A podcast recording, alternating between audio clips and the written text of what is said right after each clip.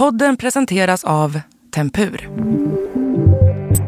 Det kommer rapporter om ännu en drönare. Och I helgen då var det över slottet bland annat och flygningarna över flera kärnkraftverk utreds ju av Säpo.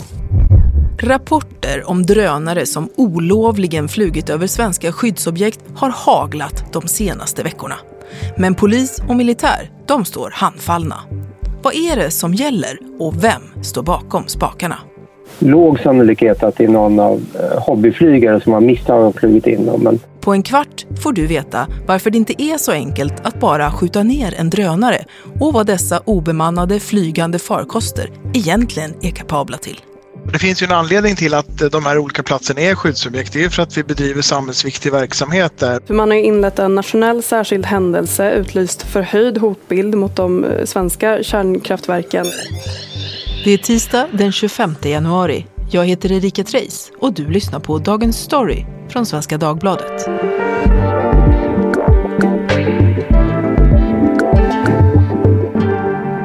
Janni Sallinen, grävreporter på Svenska Dagbladet. Du har skrivit om drönare som sätts på en mängd känsliga platser. Och det är också något som har engagerat SVDs läsare något enormt.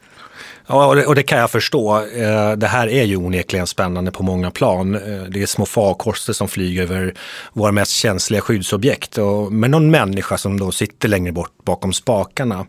Eh, och dessutom i ett, ett skärpt säkerhetsläge. Mm.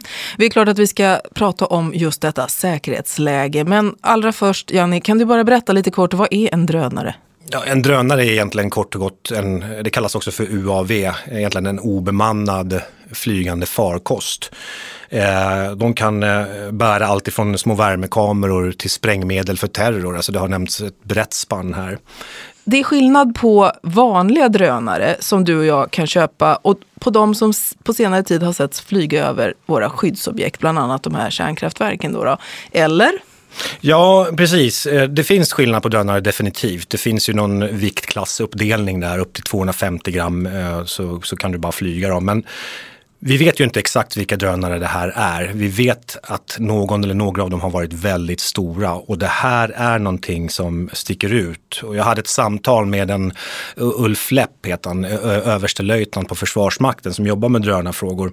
Han stannade ju upp i samtalet precis på den här stora, att det här är ovanligt. Eh, det är eh, en vingbredd på kanske två meter eller någonting. Det här är stora drönare. Det här, det här, det här, måste, det här finns det en kunskap också bakom. Och det var en sån som hade sett vid svenska kärnkraftverk? Enligt vittnesmålen, ja. Vi vet ju inte. Säkerhetspolisen håller ju på att arbeta med det här så det, det, är lite oklart. Men det här är något som förvånar Försvarsmakten också. Men det, det, kan också vara företag och andra som använder den här typen av farkoster? Så är det och, och det betonade Ulf Lepp då att eh, de här används ju även kommersiellt. Alltså då behöver du kanske någon slags pilotutbildning och sånt här men du kan eh, lantmäta, kartlägga geografiska områden med andra syften än spioneri givetvis. Eh, så det finns även den sektorn i den här branschen? såg en drönare eller något som liknade en drönare som flög över Stockholms slott. Och sen ut av framruden på min bil där spottade jag en drone som flög runt ut över vattnet där uppe i alltså en ganska hög höjd över Stockholm. Över kärnkraftverken Forsmark, Ringhals och Oskarshamn. Över flygplatser i Kiruna och Luleå och på flera håll i Stockholmsområdet. Bland annat kring det kungliga slottet. Rapporterna om drönare som flugit över svenska skyddsobjekt har varit många de senaste veckorna. Det här beskrivs som mycket allvarliga händelser eftersom det är skyddsobjekt. Man får inte får varken fotografera dem eller flyga ovanför dem. Och att skjuta ner de här oinbjudna farkosterna, det kan vara svårt. Även om det enligt Försvarsmakten finns både kompetens och befogenhet att hantera drönarattacker i flygförbudszoner. Men i andra fall, ja, då behöver de samarbeta med polisen. Men oavsett så gäller det att pricka rätt och se till att varken personer eller känsliga objekt skadas vid nedslaget. Men drönare i allmänhet då, är de generellt en säkerhetsrisk? Eh, något slags eh, nytt spionverktyg som främmande makt använder? Absolut. Eh, eh, Försvarsmakten anser ju att det här är att alla drönare ska, alla som har en drönare ska registrera sig och, och det är orsaken att de utgör en säkerhetsrisk på många plan. De kan kollidera med saker och ting, de kan spionera och sådär. Men om man ser till det rent militära så kan ju en drönare ha värmekamera till exempel. Då blir det väldigt svårt att gömma stridsfordon och soldater på olika platser. Även om det då finns utvecklade metoder att skydda sig mot värmekameror. Men det är ju överlägset att vara i luften, att titta på trupprörelser. Så att rent militärt skulle jag säga att um, det är ett dilemma. Och så ser man till Sveriges skyddsobjekt så är det naturligtvis ett problem. Det ser vi ju här att kärnkraftverk, alltså jättekänsliga skyddsobjekt, de, där bara hovrar en massa drönare. Varför gör det det? Eh, och Försvarsmakten har dessutom varit med flera gånger om att drönare flyger över övningsplatser där man har militärövningar. Vilka är det? Varför gör man det? Och vilka är det som håller i spakarna då? Jag tänker, ja, i och för sig så Försvarsmakten, de är ju alltid ganska knapphändiga med informationen, men är det ryssen eller? Ja, det första är ju, alltså, kärnkraftverken ligger ju inte på Försvarsmaktens bord. Det är inte deras ansvarsområde. Det här är ett, eh, de har sina skyddsobjekt som de ansvarar för. Eh, så det vi har sett nu är att det är polisen och säkerhetspolisen som utreder de här specifika flygningarna. Men precis som du säger också, Försvarsmakten är fåordiga och de har säkert goda skäl att vara det. Men jag hoppas också verkligen att de någon gång har lyckats ta ner en drönare som de har sett vid kanske sina övningsområden eller vid sina skyddsobjekt för att ta reda på vem är det som är bakom spakarna. Eh, det här tog ju vara högst intressant för dem. Har man inte gjort och inte har koll på det här idag, då, då är det ju pinsamt. Så jag hoppas verkligen att de har koll på vem ehm, som ligger bakom. Men med det sagt också så är det inte officiellt sagt någonstans att det är Ryssland som ligger bakom. Eh, så rent teoretiskt kan det ju vara eh, små ungar som är ute och busflyger med små drönare. Mm. Vi vet inte. Mm. Men vi pratar så här mycket om den här frågan, men det skulle kunna vara alltså, tonåringar som bara vill busa. Det är det du säger? Jag tror inte det. Alltså, vi, vi, måste sätta det här i en kontext. Vi måste vara lite kloka här. Och det, och det, det är egentligen det är ett försämrat säkerhetsläge rent generellt. Ehm, jag skrev till exempel en rapport eh, om en rapport för några, tre, fyra år sedan här eh, som kom från Försvarshögskolan. Och i den här gör man ju klart att kärnkraftverken är måltavlor för ryska militära underrättelsetjänsten GRU. Eh, så att det här, det här är, jag tycker inte att det här är så en, en, slump att det är ungar, utan det finns andra saker som pekar åt andra riktningar. När jag ska ta reda på hur det ser ut ovanifrån, då använder jag ju Google Maps. Varför räcker inte det i de här sammanhangen? Allt finns ju redan där. Ja, och då kan man tänka lite på vilken teknik är det som drönarna kan bära egentligen. Och då, då, då, finns det ju en rad olika saker man kan göra med en drönare. Det är till exempel då, som vi sa, värmekameror. Jag har till och med sett YouTube-videos där man använder vissa typer av röntgenkameror som kan se genom eh, tegelväggar.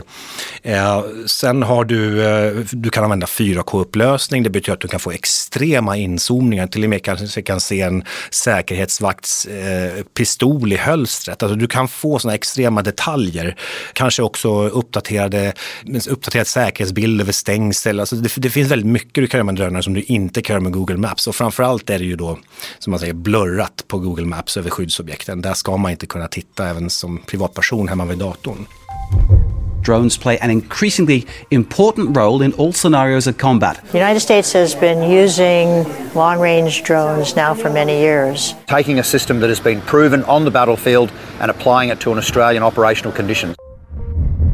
Drönare är egentligen inget nytt för militären utan små obemannade farkoster har tidigare använts i krig exempelvis i Iran och Afghanistan. Och drönare har även använts för att transportera droger och har sett släppa ner vapen och mobiltelefoner i fängelseområden.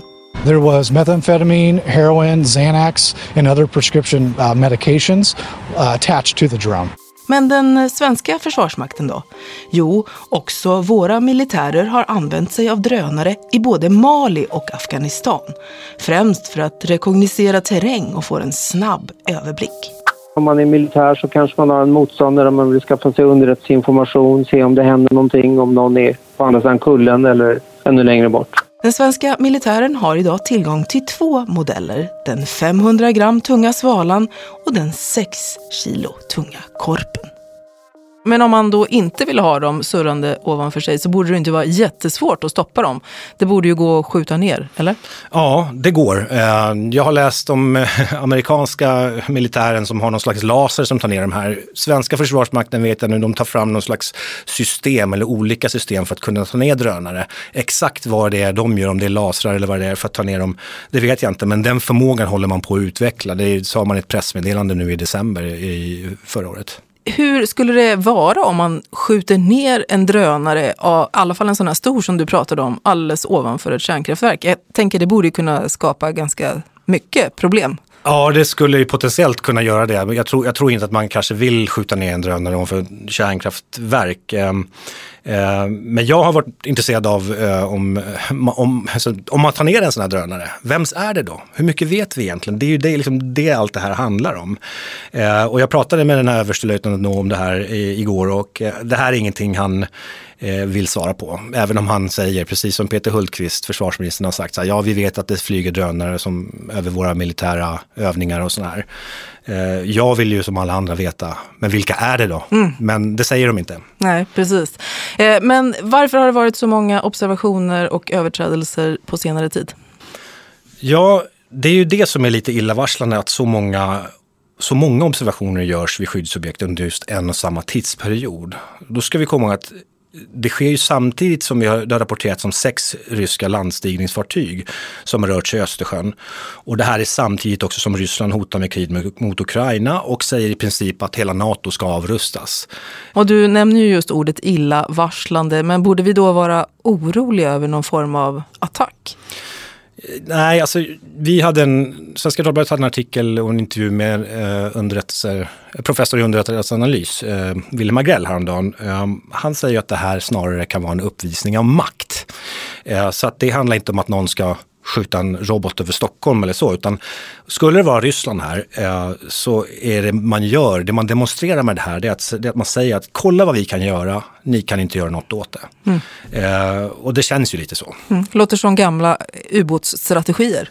Ja, det kan, så kan det vara. Skapa lite förvirring och politisk oreda. Men jag tänker också på att man kan ju ha nytt nytta av drönare. Och jag läste här en artikel om en akutläkare som räddade livet vid hjärtstopp med hjälp av en drönare. Det låter lite som någon slags eh, sjukvård 2.0 minst sagt. Ja, och det är ju ett jätteeffektivt verktyg. Man kan tänka sig till exempel i en, ett storstadsområde eller i glesbygd också där du snabbt behöver komma komma ut, vips bara så gör det. Du slipper all trafik eller det långa avståndet.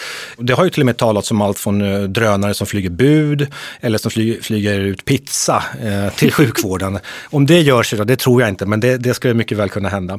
Eh, men sen kan de ju också användas över skogsbränder, eh, kartlägga det, bevakning av olika typer, lantmäteri till exempel. Så drönare kommer vi garanterat se mer av och de kommer ju att göra stor nytta men vi har ju också använt den på tidningen och då har man ju varit med om att, eh, att den inte går att flyga för att man på något sätt är i ett område som är nära en flygplats eller så. Ja, och det finns ju något som är, det är en slags geolock eller man ska säga en slags geografisk låsning. Du kan se på en karta när du flyger att här tar det stopp, drönaren kan inte flyga in här. Men det här är väldigt enkelt att lura. Det sa då den här, återigen, överstelöjtnant eh, eh, Ulf Lepp att du kan ju lura drönaren och tro att den flyger någon annanstans i världen. Så vi säger då att ja, men drönaren är just nu i Arizonaöknen, men egentligen är den ovanför Ringhals. Så man kan ju lura de här drönarna till att eh, flyga över sådana här förbudsområden. Mm. Janni, har du själv använt en drönare och liksom gillar du hela den här grejen? Jag är för den här typen av teknikutveckling, absolut. Och jag har flugit drönare, absolut. Och eh, det är fantastiskt kul att kunna hovra runt. Det är lätt att förstå att det här är ett väldigt bra redskap. Men det är också lite läskigt när du har en kanske eh, den här fjärrkontrollen med kamera att du kan ta den här drönaren och flyga iväg flera kilometer så du ser den inte längre. Det är ganska obehagligt och det är, där, det är där det här verkligen den här obemannade delen kommer in. Den, du är där, alltså den, du styr från marken men att du är inte på plats där den är. Mm. Utmärkt spionverktyg men också givetvis eh, riskabelt eh, och läskigt på det sättet. Men det, men det är kul. Tack Janni Sallinen för att du kom hit och berättade om drönare. Tack så mycket.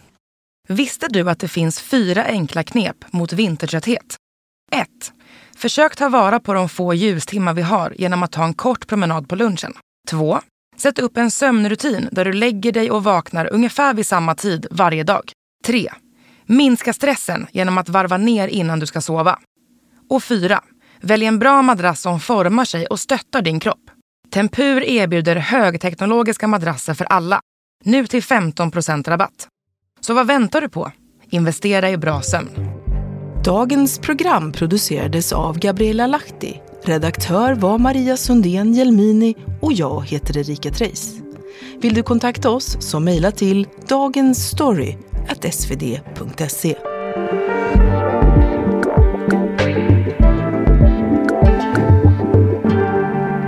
Klippen idag är hämtade ifrån Aftonbladet, Expressen, Sveriges Radio, SVT, Frans 24, Rand.org, CBS, TV4 och australiska försvarets sajt army.gov.au.